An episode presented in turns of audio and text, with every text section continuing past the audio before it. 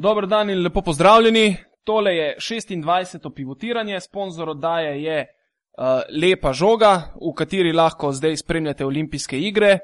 Kadarkoli drugače imajo pa še 22. pri partiji in novinarsko konferenco z Street Explosions gosti. Uh, Gal, ti rad spremljaš olimpijske igre? ja, zelo. Uh, no, tukaj smo danes brani standardna ekipa, se pravi jaz, Gal in Miha, uh, in imamo pa še posebnega gosta, tako da Gal, kar prosim te, če najaviš. Ja, uh, z nami je tokrat Zoran Martič, uh, slovenski trener na začasnem delu v Skopju. Uh, pred dnevi je sicer postalo jasno, da to ne bo tako začasno, vsaj do sezone do konca sezone 2014-2015, uh, sicer pa gre za uh, trenerja, ki je uh, kot prvi z mladinskimi selekcijami Slovenije osvojil medalje. Najbolj znana je pa seveda tisto zlato iz Zohrida, živijo Zoran. Ja, lepo zdrav. Evo, Zoran, najprej čestitke ne, na podaljšanju pogodbe in na pokalni lovoriki. Ja, hvala, hvala je v bistvu to podaljšanje sovpadalo z osvojenim pokalom ali mislim, da bi se o tem pogovarjali, ste se pogovarjali že prej in to ni imelo v bistvu večjega vpliva? V bistvu smo se zmenili že prej, zakaj so pa ran zdaj objavili, pa težko rečem. No. Verjetno, ne vem, že prej smo se pogovarjali in tudi govorili. No. Prav, ni, ni bilo tukaj nobene zadeve, ki bi ti mogoče to preprečila, ampak verjetno malo manj pritiska si zaradi tega na pokalo, ali pač ne? Pritisk je vse, ker če, če si trener eh, MZT-a v Makedoniji in graš pokal, je od vseh eh, prič, kompletne košarkarske javnosti pričakovano, pač, da boš z lahkoto osvojil pokal. Ne. Eh, pokal je pa neko specifično tekmovanje ne. in tudi letos si v bistvu potrdil ta svoj renome.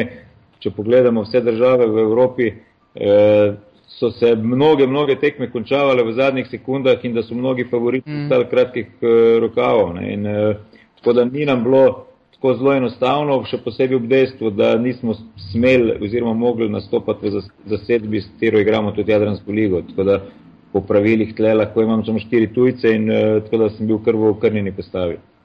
Pokalno tekmovanje je tisto, kjer v bistvu favoriti najmanjkrat zmagujejo. Ne? Tako je. Ja. Če gremo v bistvu samo na italijansko ligo, malo pregled na hitro, če naredimo, uh, ki se gliso upada s tem prejšnjim vikendom v Italiji, je kar Dinamo Sassari v bistvu presenetil najprej organi domačina, organizatorja turnirja Milano, trenutno verjetno najboljšo italijansko ekipo.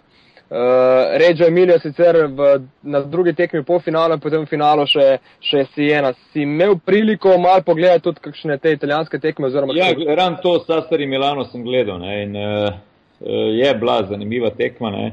Dejstvo je, da tle je ena tekma, kjer nimaš popravnega izpita in eh, tisti, ki so na nek način v ozadju, so bistveno bolj sproščeni in eh, ta sproščenost je veliko krat odločilna na takšnih tekmah. Ne. In tudi v Italiji se je to zgodilo. Pa je že zgledalo, da bo v bistvu Sasari padel. V enem momentu jih je Milano začel že kar krepko loviti in so se uspeli pol pobrati nekako, se izboriti s tem pritiskom. Pa, kot sem že prej omenil, ne? bilo je drama na vseh področjih v mnogih državah. Ne?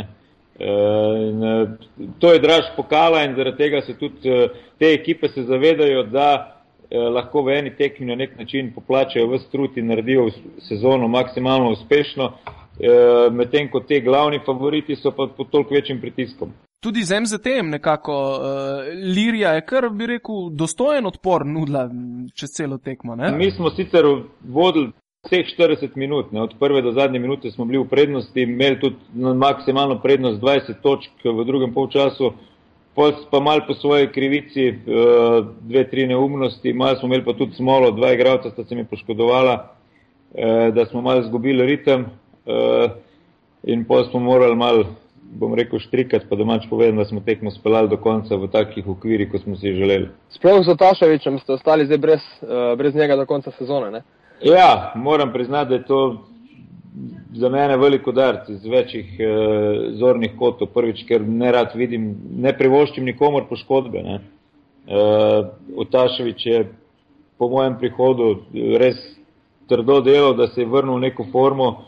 Bil je en najpomembnejših igralcev v mojem moštvu, predvsem zaradi, zaradi svoje obrambe in pa za energije. Tako da moram reči, da sem bil kar kar žalostno ob tisti novici, eh, ne, sam, ne toliko poškodbi, ker takrat, če nismo vedeli, kaj je, ampak potem, ko sem izporočil, da je za njega konc sezone in da bo moral na operacijo, moram priznati, da sem bil kar razočaran. Mhm, če še jaz zdaj tukaj uskočam, Motaševič je eden v vrsti um, teh igralcev, ki so si poškodovali križne vezi v tej sezoni, predvsem Partizan ima ogromne težave. Kje mogoče ti vidiš uh, razloge za ta, tolikšno število poškodb eh, teh križnih vezi. Ne vem, Božidarja Malkoviča sem poslušal v enem intervjuju, je on rekel, da je največje zlo napačna podaja, ker takrat pride do tistih gibov, eh, po katerih največkrat popustijo te vezi. Ne. Kje ti misliš, da je razlog? Se mogoče preveč dela, premalo časa za regeneracijo ali je to samo en splet okoliščino? Jaz sem uh, en dan, oziroma dan na dan finala uh, imel tle v Makedoniji predavanje in med drugim sem, sem govoril tudi o tem in uh, sem se ugriznil v jezik, ker sem na tem predavanju med drugim omenil tudi to, da v svoji 15-letni karieri se niti en moj košarkar še ni poškodoval tako, da bi moral iti na operacijo. Ne?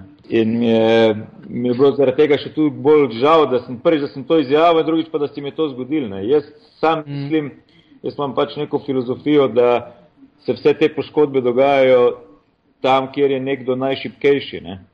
In eh, po moje eh, je trening eh, v nekem daljšem obdobju, eh, predvsem v zadnjih letih, ne, ali pa bom rekel v zadnjih desetih, petnajstih letih je bil strašen podarek na, na dvigovanju teži in na teh zadevah in so športniki, košarkari razvijali te največje mišične skupine, ki so enostavno bile v nesorazmerju z nečem drugim ali z nekim drugim mišicam ali pa z sklepine. In uh, nekateri, ki se na te zadeve bolj spoznajo od mene, pravijo, da je to eden glavnih vzrokov. Ne. Zdaj je pa verjetno sigurno od, od konkretnih primerov uh, bi morali bolj natančno analizo narediti. Ne. ne mislim pa, da je napačna podaja. Eh, ta razlog. Jaz sem imel pred mojim prihodom en takšen primer in pa zdaj v Taševič, ki tudi približno ni bilo nič takšnega. Ne. Me veseli, da si omenil prav to pripravljenost fantov, ne? ker načeloma uh, je nek, nek pogled zunanjega sveta ta, da pač fant ni dovolj dobro, oziroma košarkar dovolj dobro pripravljen, ampak druge analize kažejo, da so v bistvu tisti, ki so zelo dobro fizično pripravljeni, da se lažje, recimo, oziroma večkrat poškodujejo te križne vezi, ravno zaradi tega, recimo, hitrega eksplozivnega giba, ki ga naredijo uh, in ker pač v križne vezi ne zdržijo uh, pod tega eksplozije ostalih velikih mišičnih no, skupin. Se pravi, da so to večino fati, ki so dobro, dobro pripravljeni. No, točno, to sem, to, točno to sem tudi omenil. Ne. Mi razvijamo uh, neke najmočnejše mišične skupine, ki so sposobne pol ustvariti res velike sile, so razmerno s tem razvijali eh, nekaj drugega, ne, neke manjše mišične skupine, oziroma ne moremo razvijati eh, jakost sklepov, ne, oziroma teh, eh, teh vezivnih tkiv v, v sklepih. Ne, tako da je najšipkejši člen je vedno tisti, kjer, ki bo prvi počel. Ne, in če je to nesorazmerje takšno, se pač to slejko prej zgodi. Ne. Jaz bi sam dodal, da je tudi slovenska košarkarica, ki igra v Italiji, Katarina Risič, se pred nekaj dnevi poškodovala in prišla na več. Ja, to, to sem pa pred leti tudi na nekem seminarju poslušal, da so pa dekleta še bolj podvržena temu in da so eh, križne vezi pri košarkaricah eh, že dolgo časa, bom rekel, eh, najpogostejša poškodba. Ok, če se mal vrnemo na, na, na sam začetek, Zoran, če se ne motim, ti do prekratkega, do predkratkega nisi imel sploh svojega agenta, je res? Ja, je res. Ja. Aha, dej mal povej, kako je potem uh, recimo z iskanjem novega angažmaja v klubih. Je kaj teže, kako potem sploh to poteka? Ja, zdaj bo mal pluvo vlastno skledo, ne, ampak uh, jaz osebno, osebno sem mnenja, da so največ škode v športu ali pa eni izmed tistih, ki so naredili največ škode v športu, ravno agenti. Ne. Mm. da v zakolistju vodijo marsikakšno stvar, ne, ki, za katero javnost, eh, javnost ne ve. Ne. In verjetno sem s, s tem svojim, eh, bom rekel, pokončno držal. Izkazovanjem eh, mišljenja, verjetno si zaprl marsikatera vrata. Ne. In tako da v 25 letih, kolikor sem trener, mislim, da mi je sam dvakrat agent uh, po domačem povedal, da je to pogodbo v, v kakšnem klubu. Vse ostalo so me poklicali direktno iz kluba in, uh, ali pa me je kdo predlagal. Tako da, tako da se pravim, po vsej verjetnosti spet pluvamo lastno skledano, ampak pač ne mhm. morem svoje kože. Ja, kako je pa po, kako je pa potem mogoče z iskanjem uh, novih igralcev? Recimo, se ti zdi, da zato kaj težje prideš do kakšnega ali ne? Tle je pa, tle je pa druga stvar, ne? ker sem neodvisen. Ne? Tle sem pa neodvisen in v bistvu se odločam na podlagi, vsaj tlevo skupaj je pač tako bilo, ne? včasih tudi eh, nisem imel te možnosti, ne? ampak uh, tlevo skupaj je pač to bilo, da smo se odločali izključno na podlagi naših finančnih zmožnosti in pa na podlagi neke, neke strokovne ocene. Ne. Nisem bil, nisem bil urodje v rokah uh, menedžerja.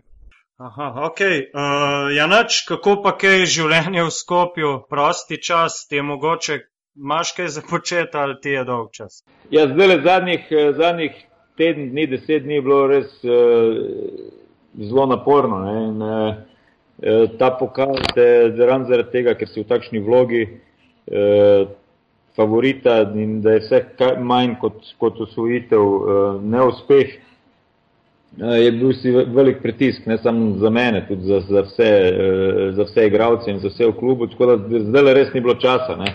Uh -huh. eh, drugače pa Skopje, to sem že enkrat tudi vaš, vašim kolegom omenil, me je na nek način presenetilo. Jaz kot prvo nisem pričakoval, da je tako veliko, ko sem sem prihajal. Skopje je skoraj že milijonsko mesto. Ne? In eh, na področju bivše Jugoslavije je to prepričljivo tretje največje mesto za Zagrebom in Belgradom. Ne? In uh, velika mesta pač imajo tudi bolj živahno življenje, čeprav jaz moram priznati, da nisem imel kaj velik časa. Te, te, te zadeve eh, raziskovati, je pa, so mi pa nekateri vaši kolegi eh, bolj v šali kot zares predvidevam saj. No? spraševali eh, o kulinaričnih posebnosti Skopje in Makedonije, tle pa moram priznati, ne, da, da tisti, ki radi dobro jejo, lahko tle pridejo na svoj račun. Imaš pa, pa en kup slovencev tam, predvsem v rokometnem svetu. Ja, uh, sicer zdaj sem se srečal samo, samo z enim, se mi zdi, uh, oziroma srečali smo se, ampak je bilo tako, da nismo bili, v, ni bilo možnosti do kontakta, ker je bilo slučajno, bilo, oni so ran tekmo igrali, mi smo imeli pa trening uh, nekje sporedno, ne? uh -huh. uh, tako da vem pa, da je, da je slovenska ekspedicija v rokometu kar, kar številčna. Ja. Ja, kako gledajo, v bistvu, samo še to na hitro, tako mogoče malo off topic. Uh, Vardar se zdaj, zdaj ful krepi in v rokometu in tudi v nogometu. Ne? To so enega Rusa dobili za, ne vem, če, če imaš kakšne informacije. Ja, to je en, eh, en bogat Rus, ki tle živi že kar nekaj časa in uh, on je glavni sponzor, uh, oziroma, če ne vem, če sem prav izrazil, verjetno tudi lahko rečemo lastnik rokometnega kluba Vardar. Uh, Eh, zdaj se je vključil tudi v delo nogometnega kluba eh, Vardar, eh, je pa na nek način tudi glavni investitor nove košarkarske dvorane, ne, kateri bomo mi od naslednje sezone igrali. On je občina, ki je naš glavni sponzor, je zagotovila zemljišče, on je pa izključni investitor s svojim, svojimi sredstvi in je, in je zgradil, ran dan sem se pelal mimo, mimo gradbišča, je že zelo lepo napreduje, je zgradil dvorano oziroma je v gradnji dvorana za 6000 gledalcev, zraven še pomožna dvorana za približno 1000 in pa luksuzen hotel v sklopu dvorane, ki bo in vse to bi bilo končano nekje junija, julija meseca. Ne. Tako da je tudi na nek način posredno uh, vključen v naš klub, uh, ker uh, bomo po nekem, eh, oziroma mesto bo dobilo, mislim, da po 20 ali po 30 letih v 100% last vse te objekte, košarkarski klub jih bo pa lahko brezplačno uporabljal v, v vsem tem obdobju. Izjemno. Zanimivo, ja. Hotel sem te še prej vprašati glede Skopja uh, in ki si rekel življenja samega v Skopju. Si že probal raki od Kivija? Ne.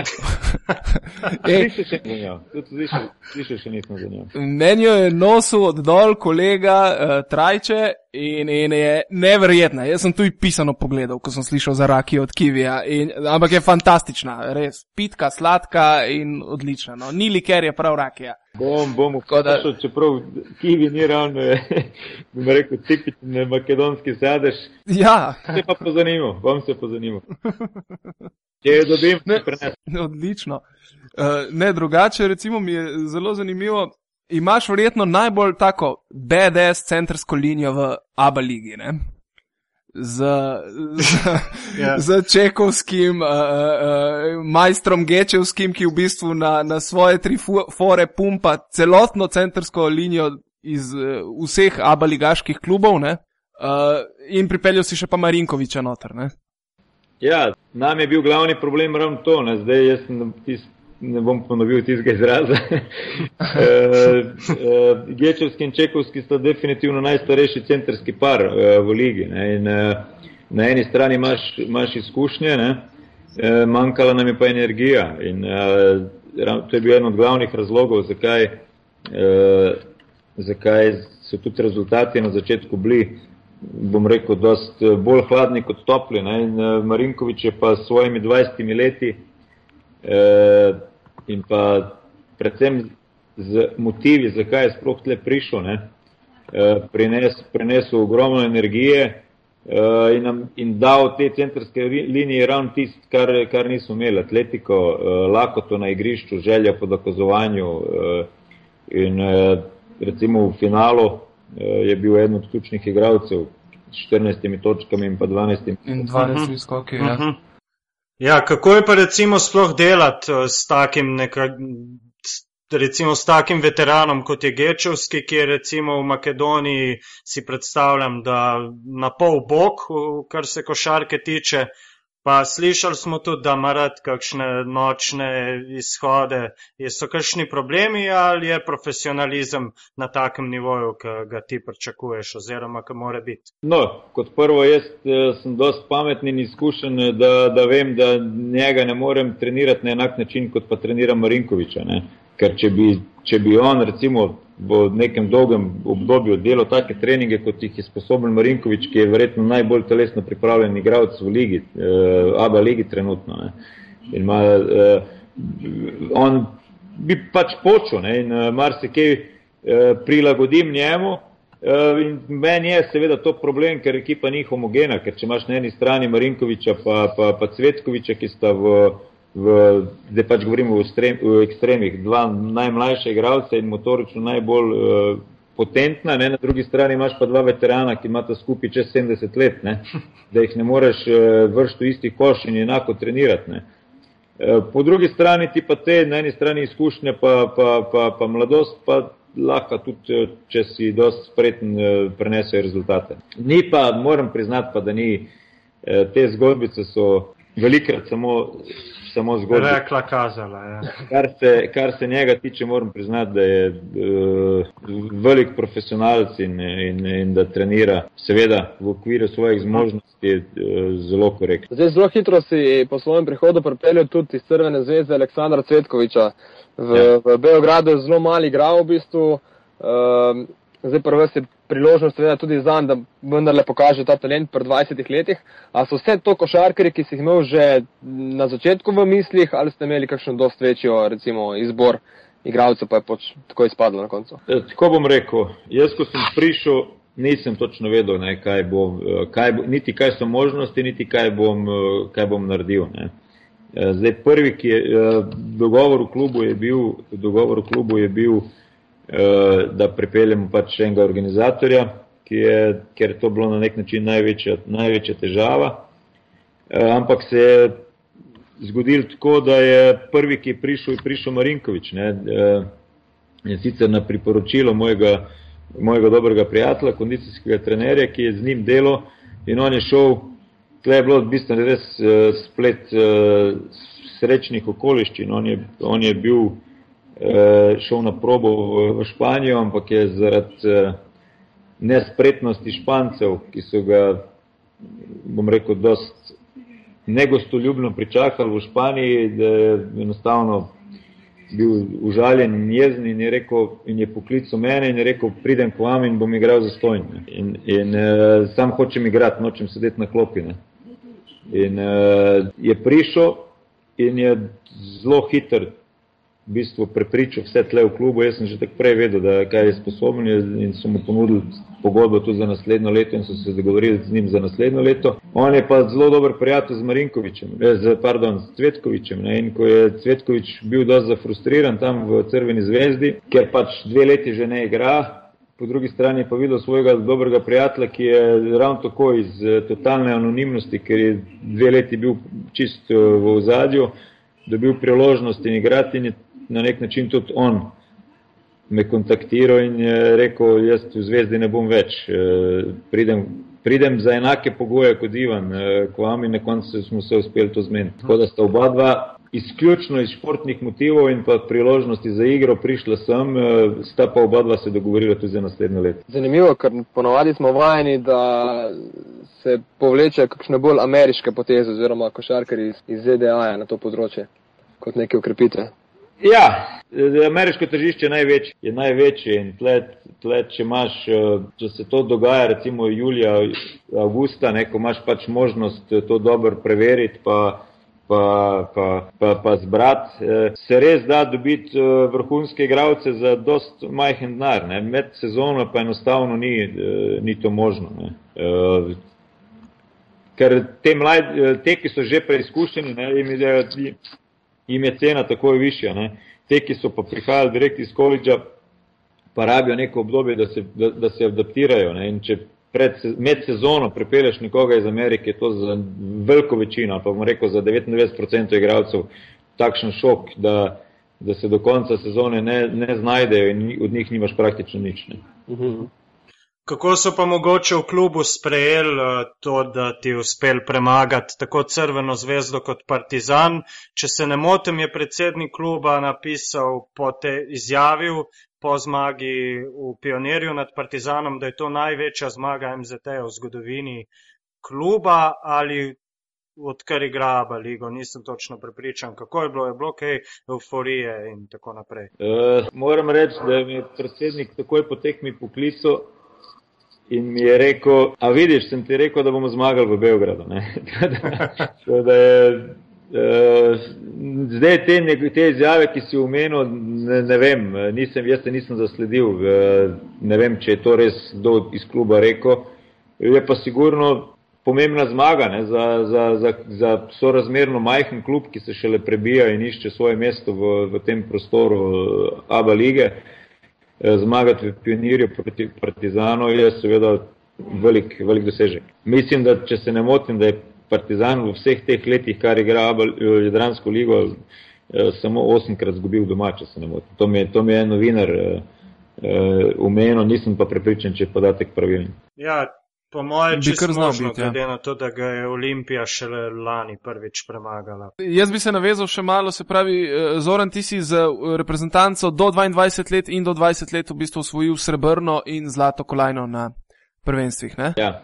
Lih včeraj sem poslušal uh, ta drugi podcast na tem aparatusu, ki ga vodi Boki Nahbar, podrobnosti in je bil gost Sani Bečirovič. Vsi smo poslušali. Kjer, ja. ja, kjer, kjer so razlagali tudi o Ohridu in kjer naj bi se pred finalno tekmo zgodil nekako ja, tvoj simboličen odstop, ker so fantje po polfinalni zmagi zrukali slačilnico. Ne?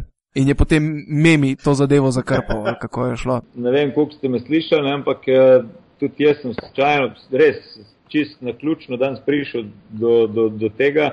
In uh, prvič v svojem življenju sploh slišal, kaj je to podcast, ne?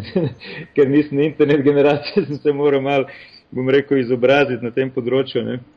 Uh, sem poslušal to, kaj ste se pogovarjali. Ja. Uh, ne, bila je bolj debata, da, da, da ja. si takrat na nek način povlekel eno potezo in simbolično odstopil potem ko so fanti po polfinalni tekmi razturili slčilnico. Ja, češ do takih budal ne boš trenil oziroma vodil v finalu. Ne vem, če s temi besedami, ampak uh, rekel sem jim, da, da ne bomo igrali finala. Aha. Jaz sem rekel, da ne bomo igrali finala, ker je organizator tudi uh, znorev in so rekli, da je škoda za 50 tisoč mark ali nekaj takega. Ne. In so fanti rekli, da nimajo tega gnarja. Sem rekel, me ne zanima. Ja, pa to ni bilo toliko škode. Sem rekel, me ne zanima, rešite sami, kolikor hočete. E, če se to ne uredi z organizatorji, ne bomo igrali finala. Sem rekel, bo pač, bo pač to prvo finale, ki ni bilo odigrano, zato ker ena ekipa ni prišla na igrišče. Mislim, da je bilo tako, no. zdaj, da me, ono da sem mlajša, mogoče se bolj spomnite. Ampak vem, da sem bil res uh, zelo razočaran, uh, vem, da sem jim rekel, kaj bi še naredili, če bi izgubili. Uh, ampak uh, je bil pa to šok za mene, ne? ker jaz sem uh, bil v dvorani, jaz sem bil v dvorani, ko se je to dogajalo in sem gledal pač drugo polfinale, ne, gledal nasprotnika, s kom bomo igrali naslednjo tekmo. In, je, in je moj pomočnik in dober prijatelj, Dražen Grbac, prišel k meni na tribune in je rekel, zoram prid. Eh, Domač, eno, eno veliko sranje se je zgodilo. Ne, in, ko sem prišel noter v garderobo, mi je res skoraj kap zadevan. Ampak je potem se pravi ta vzgojni ukrep nekako zalegel. Mislim, fanti so se eh, zbrali in potem tudi zmagali v finalu. Ne, eh, se pravim, eh, ne vem, če je to zaleglo. Ne, ne vem, če je to zaleglo. Dejstvo je, da smo imeli res dobro, dobro atmosfero in dejstvo je, da sem bil res dost, dost principialen, ker se mi je zdel, da je to edini način, da, bom, da bomo uspeli uh, na tistem prvenstvu kaj narediti, ker uh, realno gledano, ne, razen, razen dveh, treh, eh, mogoče štirih igralcev, mi nismo imeli neke eh, ekstremno kvalitetne eh, zasedbe. Ne. Eh, in smo morali res iz vseh izvleči maksimum, da, da, da smo tekme zmagovali. Treba je pa tudi to vedeti, ne. mi smo tam odigrali, če se ne motim, osem tekem. In eh, razen četrt finala, ko smo Grke premagali za nekih 20 točk, so bile čisto, vse šlo na tesno. Čisto vse tekme so bile končane za piko dve, za nas ali za nasprotnika. Ne? In je bilo ono, za, za, za, za nijanse so bile vse tekme. Ne? In tudi pol, pol finale in finale ni bilo nič drugačno. Uh, še enega detajla se spomnim, uh, mislim, da ga je lih tako Sani enkrat razlagal, da si jim v pripravi pred tekmo narisal uh, razpredelnico vplivov na samo tekmo, kaj, na kaj lahko vplivajo. In na desno stran si jim postavil pač parametri, na katere nimate vpliva, sodniki.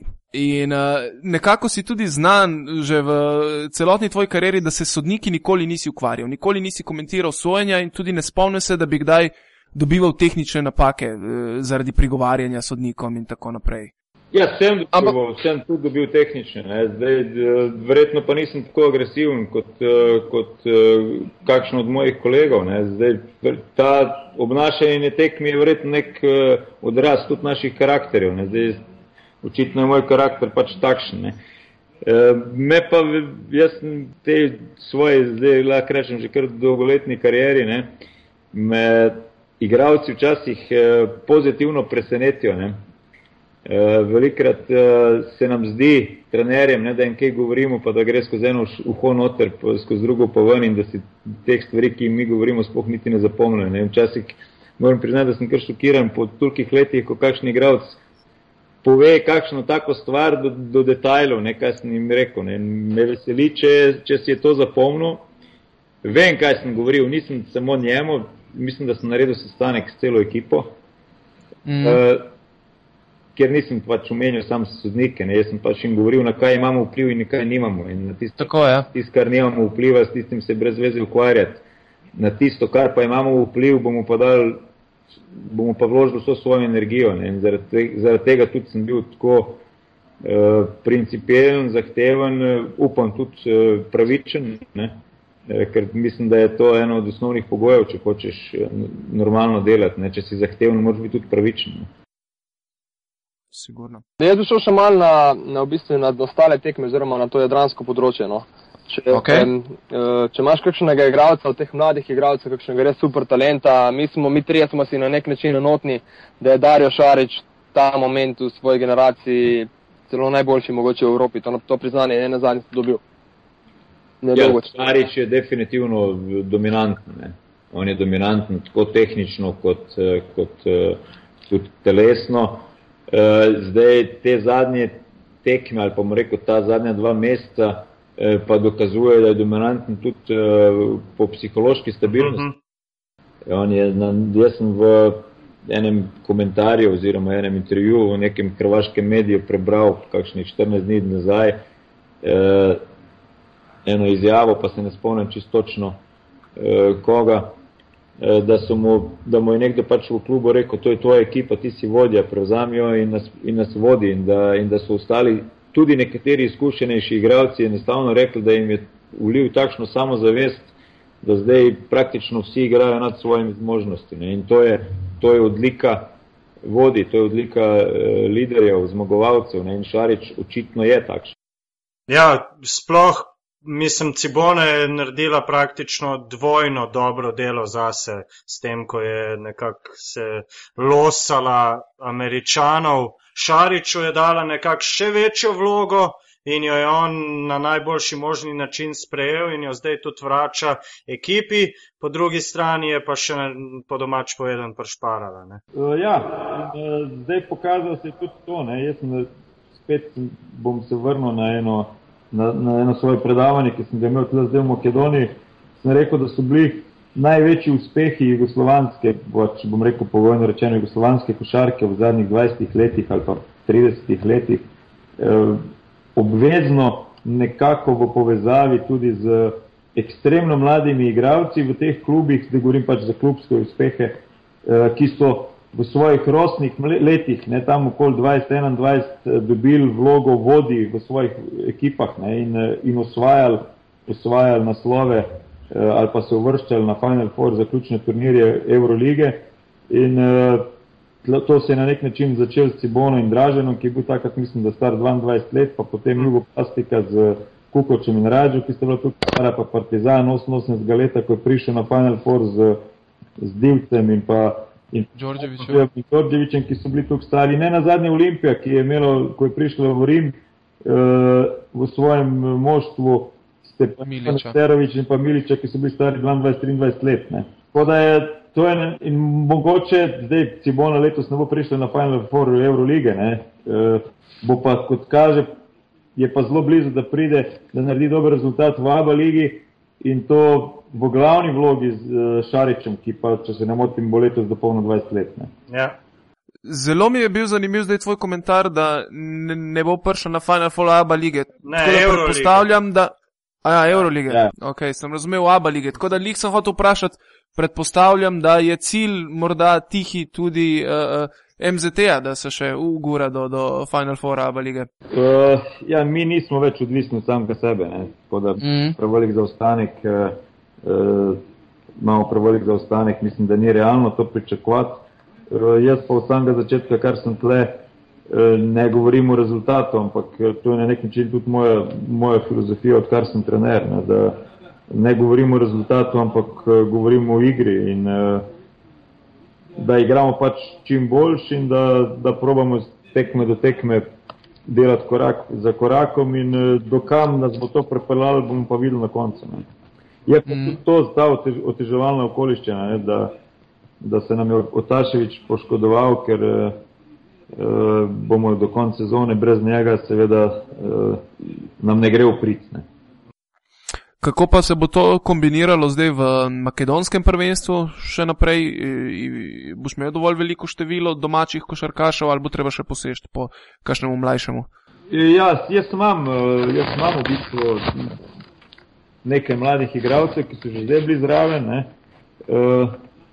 Eden je nažalost, eden od njih je nažalost se poškodoval ravno v mojem prihodu in tudi, tudi križne vezi in ga nimamo že, že dva dobro dva meseca. Ne. Uh, tako da to, kar imamo, imamo. Uh, lahko pa rotiram tujce, ki so v, v sestavi moštva. Še, mhm. še trenirate v, v mrzli dvorani? Ja. Ja, zdaj, zdaj se je temperatura v zuni toliko uh, dvignila, da je da tudi v dvorani. ja, jaz bi se še mal vrnil na Šariča. Recimo, če bi ti Zoran lahko nekako njemu svetoval ali pa odločil uh, o nadaljnih korakih v karieri, je mogoče že čas, uh, že naslednji draft in potem selitev v NBA, ali bi mogoče počakal v Ciboni, ali bi probal, ali bi bilo mogoče bolj, da si najde en ren, bolj renomiran klub v Evropi. Kaj bi bilo po, po tvojem mnenju optimalno za njegov razvoj? Kdo sem jaz, da se svetujem Šariču? jaz ne, mislim tako, da mal pametujem. Ja. Zdaj, če, če bi pametovali, mislim, da so zgodbe uh, od igralca do igralca zelo različne. Ne? Nekateri so šli prezgodaj, nekateri, nekateri. Jaz bom tako rekel. Popolnoma razumem te mlade fante, da jim je NBA liga izziv in da jih, in da jih non-stop vleče. Uh, ker to je verjetno zdajšnje generacije, ne, ko začenjajo igrati košarko, imajo pač uh, postere NBA klubu in NBA igralcev v svojih sobah. Ne, če, če, še igra, če še mladi fanti imajo sploh postere košarkarjev, ne, če ni že kaj drugega. Na mizja, verjetno. No. uh, tako da ko si enkrat v situaciji, da te nek, en od teh klubov, eh, da se resno zanima za tebe in te vabi v, svojo, v svoje vrste in po drugi strani, da ti istočasno nudijo uh, za naše prilike enormno velike ja. pogodbe, ja. se verjetno tem eh, klicom zelo težko racionalno upreti oziroma se vsest pa reči, da je to zdaj pravi trenutek ali ni. Ne. Jaz poznam samo Bodirogo, ki je bil uradno najboljši igralec v Evropi, pa ni nikoli niti pomislil, da bi šel v NBA, ker je bil dost uh, zrel uh, ali pa lahko tudi rečemo kako drugačne, da je dost realen, da je rekel, jaz nisem igral za NBA ligo ne? Uh mhm. -huh. in je pač ostal tle. Uh, je, mi je pa popolnoma jasno, da je to takšno, takšen izziv, takšen uh, klic, ki se ga mu ne moreš upreti uh, v teh letih, da me ne bi presenetilo, tudi če bi takoj šel. Okay, dodam jaz tukaj še Zokija Dragiča. Ravno danes sem prebral, da, da mu mm. nudijo v Malagi eh, bojda novo pogodbo za naprej, čeprav so ga na začetku sezone postavili kar malo stranski tir in mu dali možnost, da odide v nek drugi klub. Tudi o njemu govorijo nekateri, da je tip košarkar, ki bi lahko igral v NBA ligi. Zdaj se pol pojavlja v bistvu vprašanje, ali ustrajati pri unikahi Malagi, mogoče iskati angažma v eni za korak recimo boljši evropski ekipi ali res že pogledovati proti, proti Ameriki? Uh, zdaj najprej bom za Zorana rekel to, ne, da on je igralec za, za vse lige. Ne. On je, on, jaz imam oba brata, Dragič, uh, uh, zredno rad tudi Zorana, uh, čeprav drag, Gorana sem treniral, Zorana ne.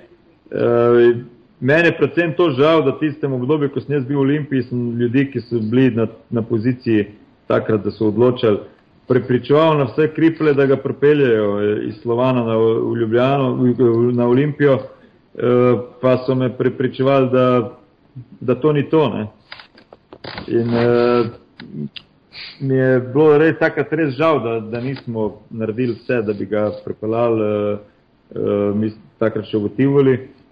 Eh, Zoran je motorično tako dominanten, da in, in ta, ta motorika je na nek način primarna eh, kvaliteta vseh NBA igralcev, tako da mislim, da lahko igra tudi v NBA ligi. Ne. Je imel pa tudi odlične predstave v Evropi in ne na zadnje tudi za našo reprezentanco.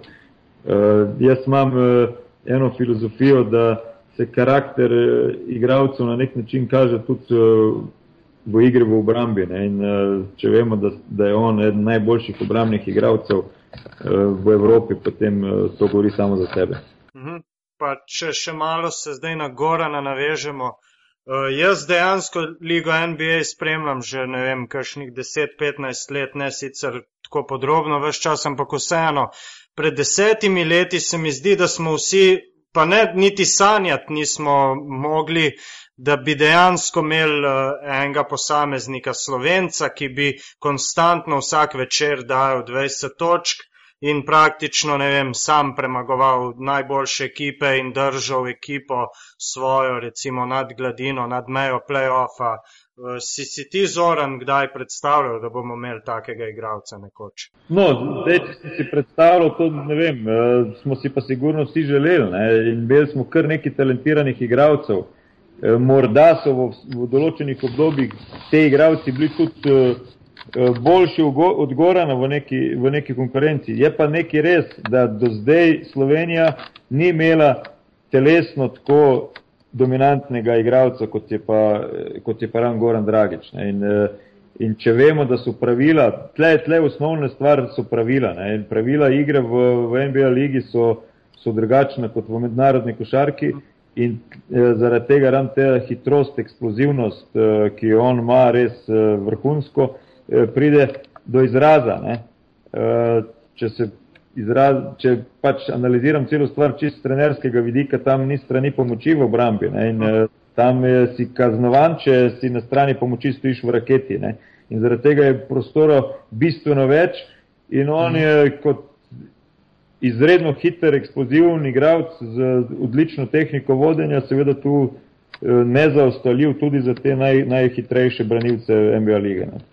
Pa tudi šut eh, je predvsej na večjem nivoju, na višjem nivoju, kot je bil recimo ob odhodu v ligo NBA ali pa v tisti prvi sezoni. Absolutno.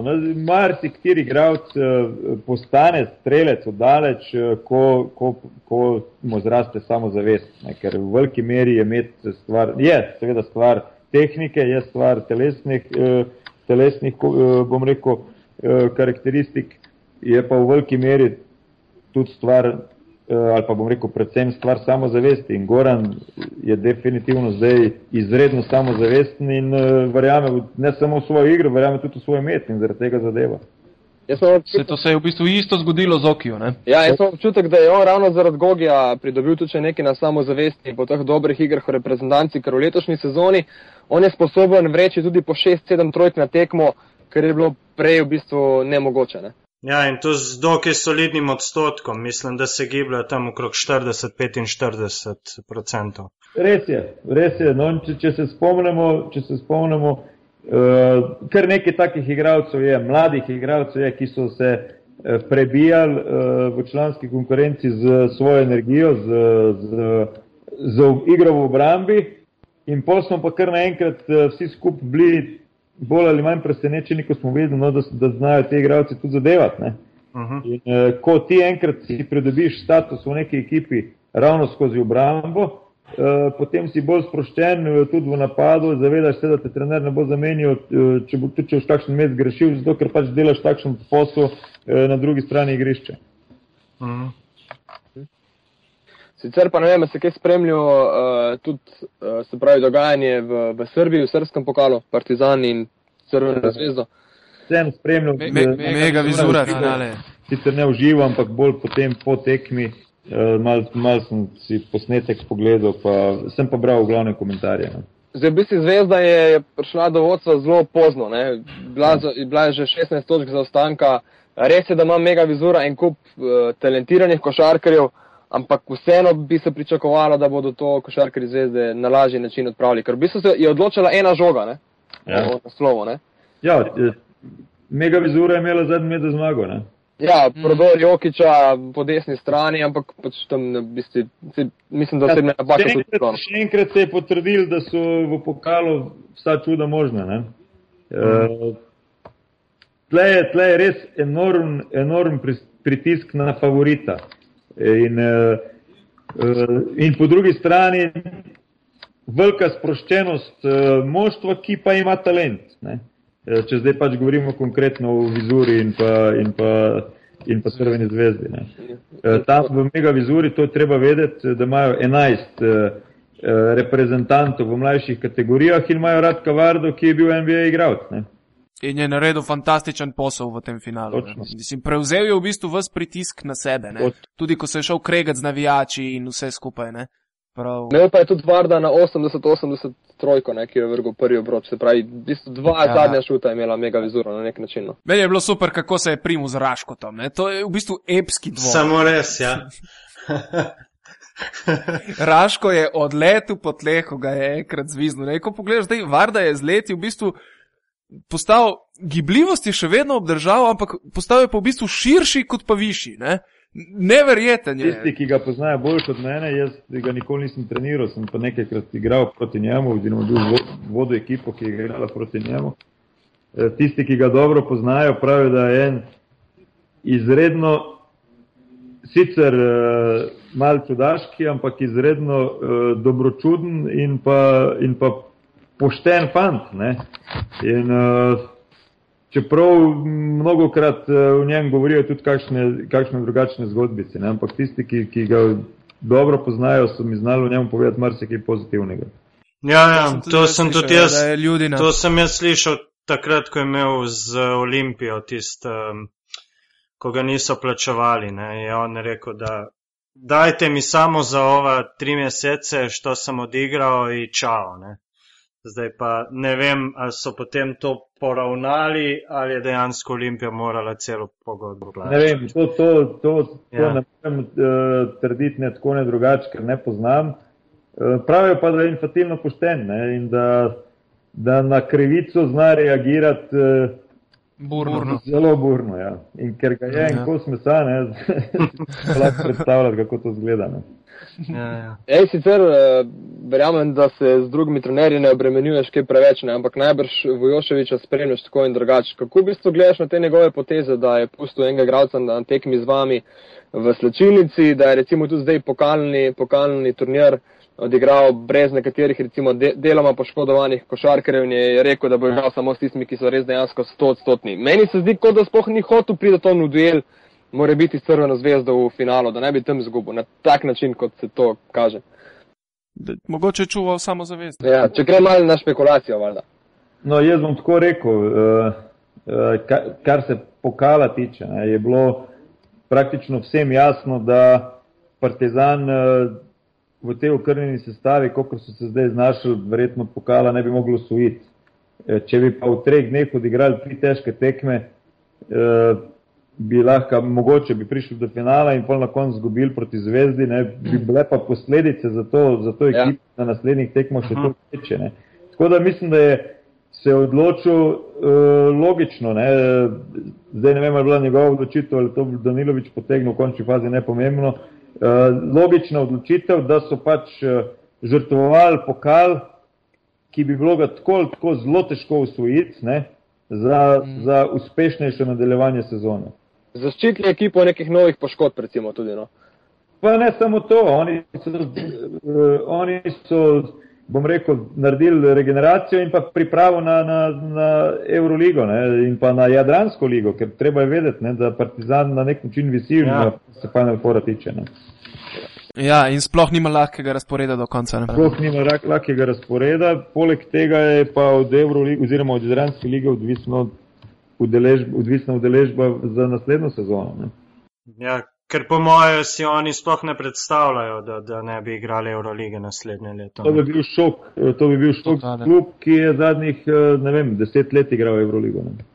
-huh. -huh in tudi pomembno vlogo, ne sploh v zadnjem času, v zadnjih parih letih. Uh, spremljaš kaj jako, oziroma kako spremljaš jako Blažiča in njegov, njegov razvoj pri Crveni zvezdi.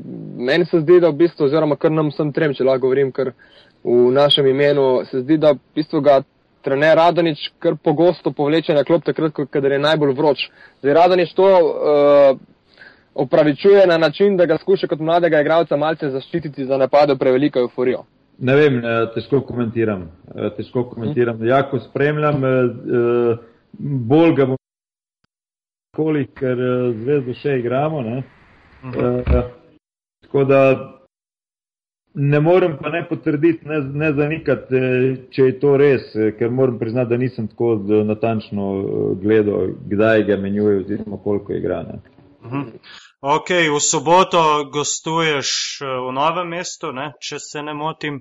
Ja. Uh, si mogoče pričakoval tako lahko delo Krke v finalu pokala proti, proti Olimpiji, če si sploh kaj gledal to tekmo mogoče? Ja, Olimpija je malo v krizi. Ne. Olimpija je v krizi, uh, to, je, to je dejstvo. Uh, res je tudi to, ne, da je Krka si verjetno tega pokala želela bistveno bolj kot Olimpija. Zato, ker to je Lovorika, ki je kljub uh, koliko treh, trem ali štiri zaporednim, štirim, ja. štirim zaporednim naslovom prvako, uh, še nimajo. Ne? In uh, verjetno je bil motiv na strani krke večji. Uh, zdaj, kak, s kakšnimi težavami se ukvarja Olimpija, pa, pa težko od zunaj sodim. Ne? Se ti zdi, da, da sta obe ekipi, nekako, če pogledamo rosterja, pa to vse na mestih, ki, ki ki so nekako realen domet ali ne?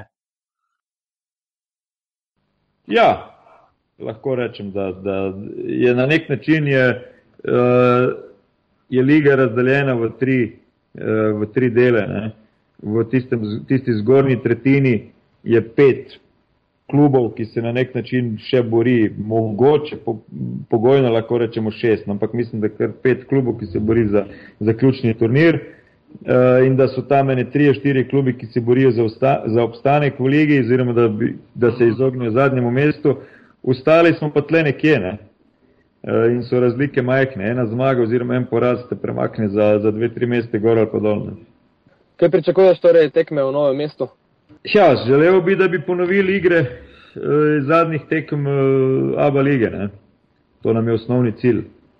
Eh, bo pa seveda zelo težko, eh, ker, kot sem že prej omenil, nekajkrat ne igramo brez Otaševiča, ki je bil na nek način naš obrambni minister. Ja, ampak mogoče glih na, na, na teh branilskih položajih je pa krka nekako uh, najbolj podhranjena, če se lahko tako izrazimo. Ne? Jaz bom tako rekel, da vedno se poskušam bolj ukvarjati uh -huh. s sabo in svojim moštvom, kot pa z nasprotnikom. Ne. Jaz vem, ja, ja. kaj, nam, kaj je nam pomembno in on je bil naš uh, pomemben igralec, ne glede na to, da strelsko ni bil, uh, ni bil uh, med vodilnimi. Ne. Se pravi, pol predvidevam, da bo nekako Cvetkovič verjetno dobival priložnost do konca sezone. Ne? Ja, Cvetkovič bo zdaj imel bistveno večjo minutažo, to je jasno. Ja. No, slučajno, če kdo v fantasy ligi. nisem, nisem razumel.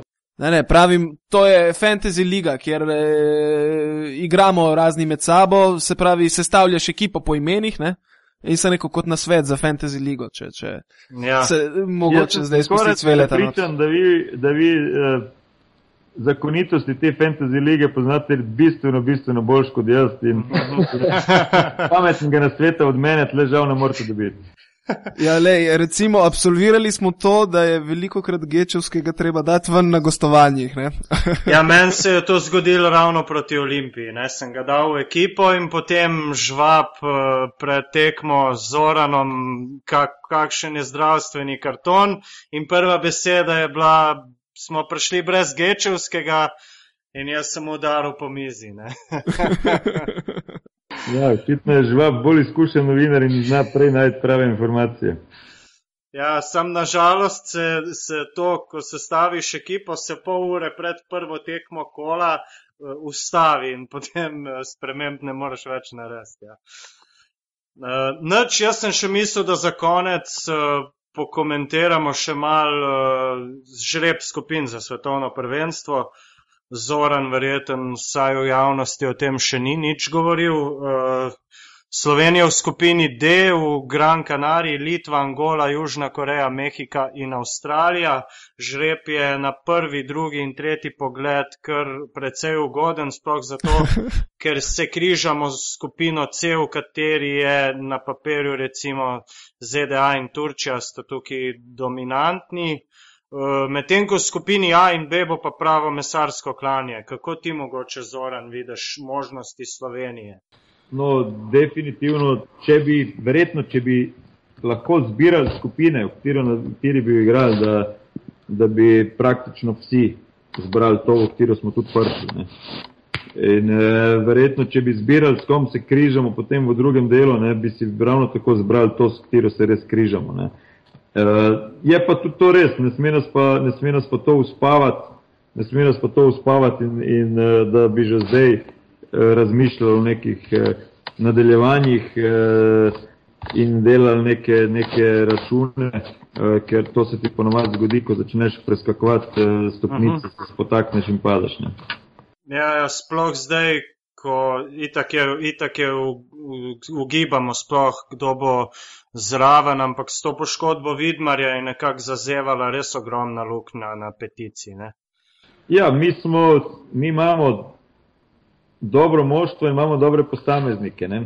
Nimamo, nimamo pa veliko oziroma široko jedro ne? in uh, na nek način nas vsaka taka zadeva, uh, bom rekel, kar nam povzroči kar precej težav. Ne? In uh, dejstvo je, da nimamo ravno veliko razlika pri nas med prvim in tretjim, četrtim uh, igralcem na posameznih igralnih pozicijah ne, je velika. Ne. In uh, če nimamo teh najboljših, se nam seveda poznam. Ja, lih prejšnjič smo si vsi trije razbijali glavo s tem, uh, recimo ob predpostavki, da se, da se morda Jaka Lakovič ne udeleži več akcije. Kdo bo drugi play? Ja? Kdo bo drugi play? Ja, dejstvo je, da ko se odpre nek prostor, ne, nekdo drug, ki smo ga mogoče spregledali, dobi več, več boljšo pozicijo, več igralnega časa in menjave, generacijske menjave so logične in, in samoumevne in, in nekaj čist normalnega. Ne. In prepričan sem, da se bo našel nekdo, ki bo, ki bo to vlogo uh, sprejel oziroma ki, ki, ki, ki ga bomo dali v to vlogo in da bo, da bo opozoril na sebe. Ne. V končni fazi tudi uh, uh, Murič, pa Zoran Dragič uh, in, še, in pa Blažič uh, so na nek način, na, na, na podoben način stopili v reprezentanco in se potrdili, da znajo biti uh, pomembni členi te ekipe. Ja, čeprav tukaj na, na, na, na tem mestu, recimo drugega pleja, pa dejansko ni igralca, ki bi sploh nekako dos, doslej opozoril nas.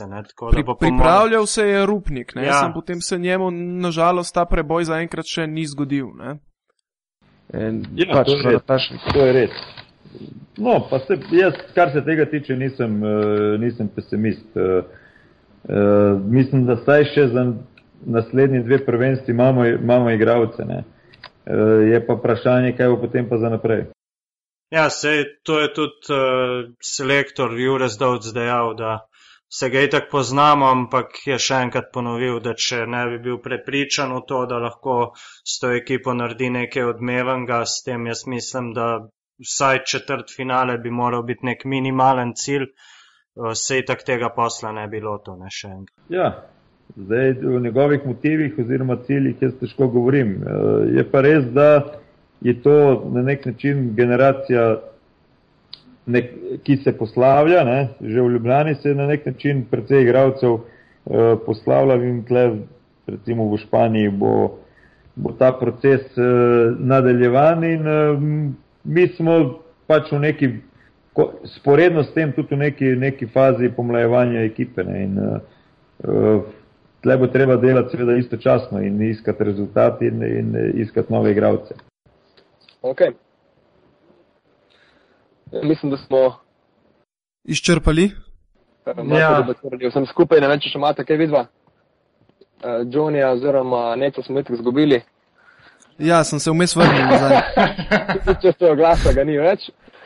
Um, Ne vem, kaj zaključimo. Ne? Ja, v bistvu smo po moje kar, kar pod streho spravili vse, kar smo mislili. Jaz bom samo še dodal eh, mal provokativno, Zoran, eh, če te bo opaziti, eh, če boš odletel na Gran Canaria tudi ti skupaj z reprezentanco. Dan sem zelo podobno vprašanje dobil od vašega kolega Roberta Kukovca, če bom delo prenose za Šport TV. No, mislim, da je Miha mislil ja. kakšno drugo vlogo. Ja. ne vem, zdaj nekakšno vlogo uh, ste mislili, ampak zelo verjetno ne bom tam. No. Aha. Aha. Ker je ravno, ravno včeraj direktor reprezentanc v našem studiu dejal, da je že vse fiks zmenjeno, da bodo v štabu slovenci in tujci, ampak da tega še nočejo razkriti. Ne, ne vem, kdo bo v štabu, čisti iskreno povedano. Ja, ja. okay, hvala, da si se nam pridružil. Ja, hvala. In veliko sreče v nadaljevanju sezone. Hvala za povabilo, no zdaj tudi iz prve roke vem, kaj je to podcast. No. ja, upam, no. da se slišmo uh, proti. Ja, proti koncu sezone bi se lahko še kdaj. Ja. No, lahko, lahko. Odlično. Lepo zdrav, Slovenijo. Ja, ja. in nazaj v Skopje. Ja, lepo zdrav, čau. čau. Ja, za konec bi bilo fajn dodati, da drugače na mreži aparatu so uh, štirje, štirje pet, pet različnih podkastov, Madonna se jih sploh ne sledim, se pravi aparatus, glave podrobnosti, impro iglu in uh, naš pivotiranje. Uh, če želite, lahko tudi mrežo podkastov aparatus uh, podprete, ker denar za to gre za vzdrževanje serverja. Videli ste tudi, da imamo novo spletno stran, zato skrbi Anže in hvala mu.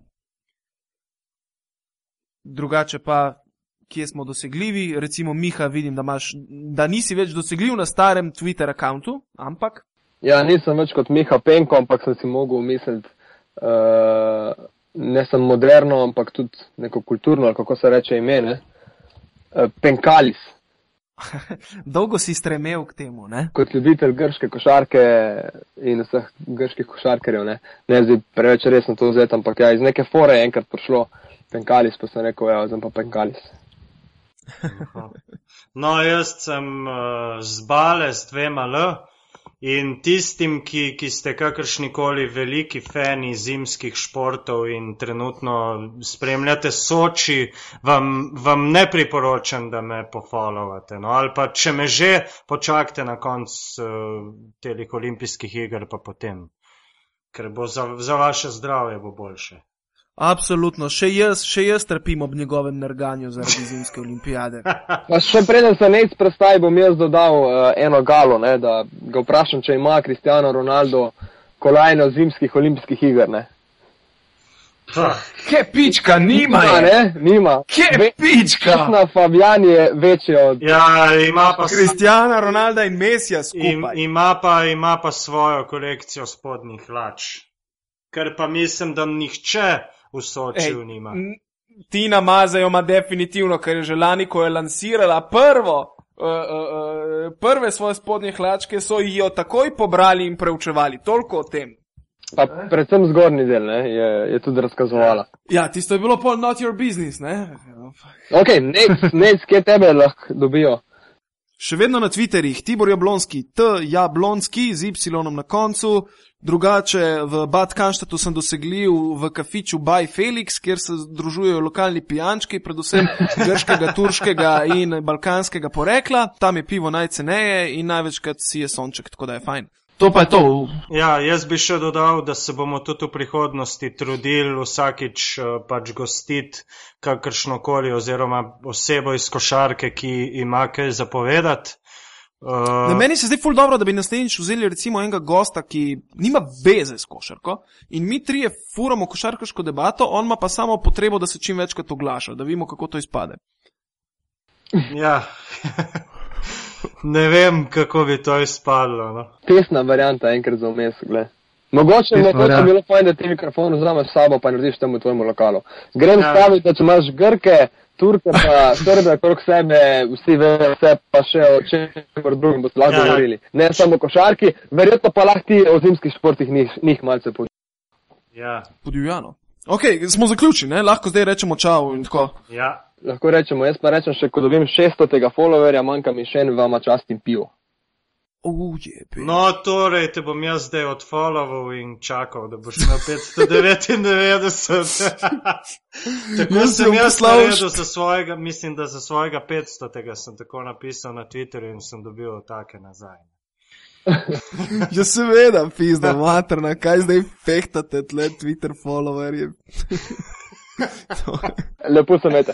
No, naslišanje do naslednjega tedna. Čau, čau, čau. Ajde, čau, čau. Lepo zdrav.